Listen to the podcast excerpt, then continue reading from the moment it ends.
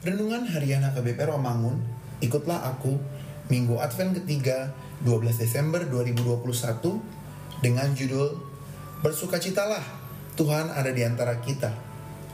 Kebenaran firman Tuhan yang menjadi ayat renungan kita hari ini tertulis dalam Jevanya 3 ayat 14 sampai 20 yang berbunyi Bersorak-sorailah hai putri Sion, bertempik soraklah hai Israel, Bersukacitalah dan beriarialah dengan segenap hati, hai putri Yerusalem. Tuhan telah menyingkirkan hukuman yang jatuh atasmu, telah menebas binasa musuhmu, Raja Israel, yakni Tuhan, ada di antaramu. Engkau tidak akan takut kepada malapetaka lagi. Pada hari itu akan dikatakan kepada Yerusalem, Janganlah takut, hai Sion, janganlah tanganmu menjadi lemah lesu. Tuhan Allahmu ada di antaramu, sebagai pahlawan yang memberi kemenangan. Ia bergirang karena engkau dengan sukacita. Ia membarui engkau dalam kasihnya. Ia bersorak-sorak karena engkau dengan sorak-sorai. Seperti pada hari pertemuan raya. Aku akan mengangkat malapetaka daripadamu, sehingga oleh karenanya engkau tidak lagi menanggung celah. Sesungguhnya pada waktu itu aku akan bertindak terhadap segala penindasmu, tetapi aku akan menyelamatkan yang pincang mengumpulkan yang terpencar dan akan membuat mereka yang mendapat malu menjadi kepujian dan kenamaan di seluruh bumi. Pada waktu itu aku akan membawa kamu pulang, yakni pada waktu aku mengumpulkan kamu, sebab aku mau membuat kamu menjadi kenamaan dan kepujian di antara segala bangsa di bumi dengan memulihkan keadaanmu di depan mata mereka. Firman Tuhan.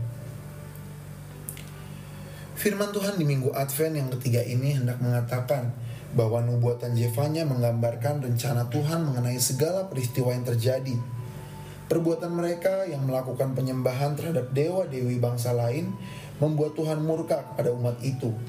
Tetapi Tuhan tidak berniat untuk memusnahkan umat itu, melainkan ingin melakukan pembaharuan agar terciptalah umat yang baru yang setia kepada Allah.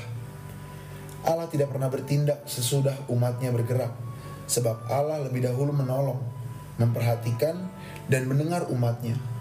Sehingga orang beriman dalam hidup orang Kristen harus menyadari keberpihakan Allah kepada mereka, kemudian sebagai respon ditujukan dalam keterlibatan manusia dengan melibatkan diri dalam pekerjaannya.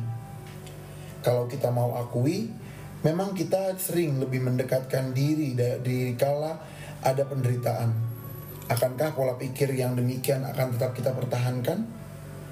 Melalui nas Matius 9 ayat 1 sampai 8 ini kita diingatkan bahwa Yesus mampu mencukupi apa yang kita butuhkan, bahkan yang paling dasar sekalipun, yaitu mengampuni dosa-dosa kita terlebih lagi daripada pengorbanannya di kayu salib.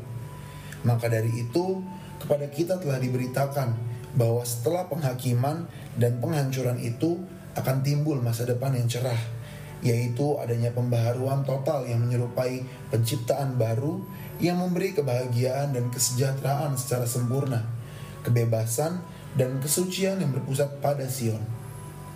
Marilah kita berdoa. Ya Allah, kami mau berseru dan bersorak-sorak memuji Engkau. Berilah kami kasih pengampunanmu, agar kiranya kami dapat menghayati penantian kelahiran anakmu, Tuhan Yesus Kristus. Amin.